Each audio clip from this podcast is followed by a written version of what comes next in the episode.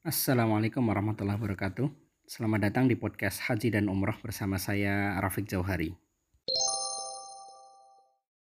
Para pendengar, kita masih membahas kitab Al-Arba'un Al-Makkiyah, kumpulan 40 hadis keutamaan Makkah yang disusun oleh Profesor Dr. Tolal bin Muhammad Abu Nur.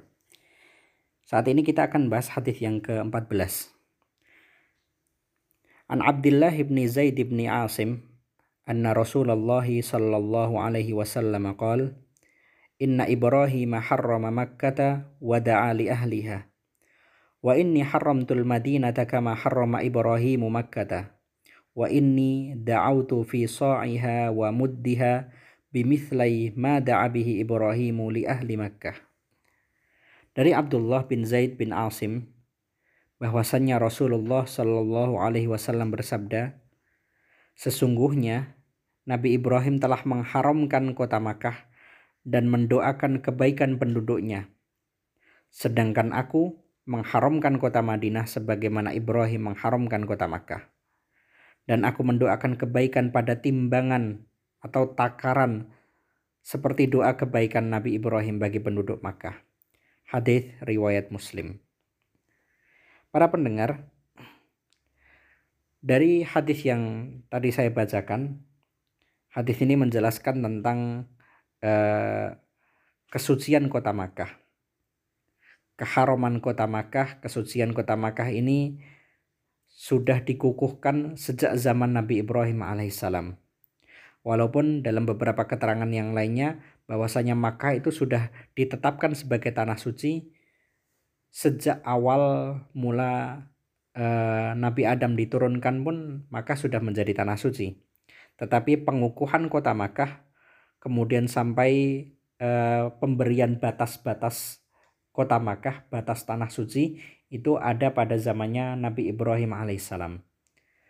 Sekarang ini ketika kita sampai di kota Makkah, entah itu jamaah haji ataupun jamaah umroh, silakan bisa melihat dari arah kota Jeddah. Itu di sana akan ada eh, gapura berbentuk melengkung melintasi jalan antara kanan ke kiri itu adalah batas tanah suci.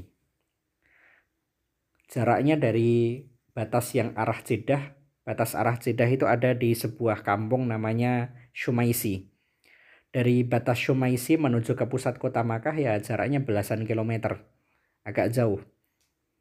Yang jaraknya cukup dekat itu jarak yang ada di kampung Tanaim. Itu jaraknya dari kampung Tanaim sampai di pusat kota Makkah lebih kurang jaraknya hanya sekitar 9 km. Tidak terlalu jauh. Nah, batas-batas itu entah itu batas yang ada di Shumaisi, batas yang ada di daerah Tanaim, yang ada di daerah arah menuju ke Arafah, dan juga batas-batas yang lainnya, itu ditentukan oleh Nabi Ibrahim alaihissalam sejak zaman dahulu. Kemudian selanjutnya dalam hadis ini di, eh, Rasulullah SAW menyampaikan Sesungguhnya Ibrahim telah mengharamkan, telah mensucikan kota Makkah dan mendoakan kebaikan penduduknya. Nabi Ibrahim pun setelah menetapkan batas-batas tanah suci, Nabi Ibrahim juga mendoakan kebaikan kota Makkah dan kebaikan penduduknya.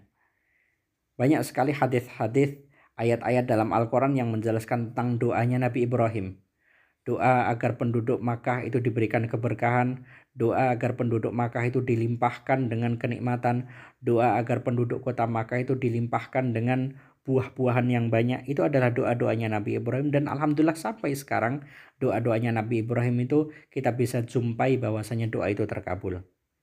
Ini adalah keutamaan kota Makkah. Sedangkan kota Madinah Madinah itu menjadi tanah suci itu berkat doanya Nabi Muhammad Shallallahu Alaihi Wasallam. Sebelum zaman Nabi Muhammad, Madinah masih menjadi kota biasa, tidak ada keutamaan khusus bagi Madinah. Tapi setelah Rasulullah SAW hijrah di kota Madinah, berkat doanya Nabi Muhammad SAW, Madinah pun kemudian dikukuhkan sebagai tanah suci. Nabi Muhammad pun kemudian uh, memberikan batas-batas tanah suci Madinah. Kalau sekarang uh, kita menjumpai batas-batas tanah suci di Madinah itu biasanya kelihatan ada tugu bentuknya seperti huruf A. Itu adalah batas-batas tanah suci Madinah. Nah, para pendengar, para ulama memang berbeda pendapat tentang masalah jumlah tanah suci dalam Islam. mayoritas umat Islam terutama di Indonesia ketika ditanya ada berapa tanah suci dalam Islam, rata-rata akan mengatakan tanah suci dalam Islam itu ada tiga. Yang pertama Makkah, yang kedua Madinah, yang ketiga banyak yang mengatakan itu adalah uh, Palestina. Tapi perbedaan pendapat di antara para ulama itu tidak dalam hal menyatakan apakah Palestina itu masuk dalam tanah suci atau tidak. Karena memang sebagian besar ulama mengatakan bahwasanya Palestina itu bukan bagian dari tanah suci. Tapi memang itu adalah tanah yang istimewa, banyak sekali keutamaan Palestina. Justru yang menjadi perdebatan oleh oleh para ulama adalah sebuah lembah yang ada di kota Taif. Taif itu adalah sebuah kota yang juga terletak di provinsi Makkah. Jaraknya dari kota Makkah menuju ke eh, lembah Woods namanya, Wadi Woods. Itu jaraknya mungkin kalau kita menggunakan perjalanan mobil kira-kira jaraknya mungkin sekitar satu jam lah paling lambat ya satu setengah jam. Mungkin jarak sekitar seratusan kilometer. Di sana ada sebuah lembah namanya Wadi Woods. Lembah Woods. Nah dalam lembah itu pernah Rasulullah SAW ketika beliau berdakwah menemui Bani Thaqif yang ada di eh, kota Taif ketika itu. Rasulullah SAW ketika berhenti di lembah Woods Rasulullah SAW sempat menyampaikan dalam sebuah hadis tentang keutamaan lembah Woods sampai dalam hadis itu Rasulullah SAW mengatakan bahwasanya hewan-hewan yang ada di lembah itu tidak boleh untuk uh, diburu. Tetapi beberapa ulama yang lain mengatakan bahwa hadis itu dhaif. Walaupun tetap ada beberapa ulama yang tetap mengakui hadis itu dan mengatakan bahwasanya lembah Woods itu bagian dari tanah suci. Nah, terlepas dari itu tetap para ulama mayoritas mengatakan bahwasanya tanah suci dalam Islam itu ada dua, Makkah dan Madinah. Makkah itu menjadi tanah suci berkat doanya Nabi Ibrahim alaihissalam dan Madinah menjadi tanah suci itu berkat doanya Nabi Muhammad sallallahu alaihi wasallam. Para pendengar, dalam Islam penetapan tanah suci adalah perkara yang penting. Maka ketika kita berbicara tentang masalah tanah suci, harus jelas kapan tempat itu menjadi tanah suci, berkat doanya siapa, batasannya di mana saja. Kemudian juga berkaitan tentang hukum-hukum khususnya apa saja harus jelas. Tidak bisa kita mengatakan bahwa tempat ini adalah tempat suci, harus ada dasarnya. Maka dalam Islam penetapan tanah suci adalah perkara yang penting. Kemudian dalam hadis yang tadi saya sampaikan sempat disebutkan berkaitan tentang masalah uh, doa Nabi Muhammad Wasallam agar Allah Subhanahu Wa Taala memberikan barokah yang lebih pada setiap takaran entah itu takaran mood atau takaran sok atau mungkin juga takaran-takaran yang lain Para ulama mengatakan apa yang dimaksud dengan takaran ini maksudnya adalah takaran perdagangan.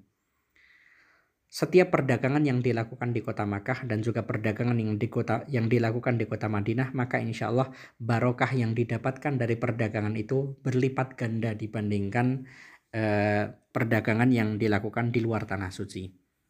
Maka saya sebagai pemimpin ibadah haji juga pemimpin ibadah umroh, saya sering menganjurkan pada para jamaah silahkan mumpung berada di kota Makkah, mumpung berada di kota Madinah, manfaatkan sedikit harta yang kita bawa untuk belanja. Walaupun sedikit, nggak masalah. Kadang saya mengatakan kalau sebatas untuk membelikan oleh-oleh untuk orang yang mungkin tidak terlalu dekat dengan kita. Mungkin hanya sebatas teman kantor atau mungkin tetangga yang agak jauh kita boleh membelikannya oleh-oleh itu di Indonesia. Toh di Indonesia ada banyak toko oleh-oleh. Tapi terutama untuk kerabat dekat, untuk keluarga dekat, usahakanlah, carilah, belilah oleh-oleh itu di Makkah atau di Madinah. Kenapa? Karena setiap takaran timbangan, setiap jual beli yang kita lakukan di tanah suci, insya Allah barokahnya lebih. Lebih bermanfaat, lebih mendekatkan kita kepada Allah Subhanahu wa Ta'ala. Nah, para para pendengar, eh, itu sedikit penjelasan berkaitan tentang hadis keutamaan Makkah, hadis urutan ke-14 dari kitab Al-Arba'un Al-Makkiyah. Terima kasih sudah mendengarkan. Assalamualaikum warahmatullahi wabarakatuh.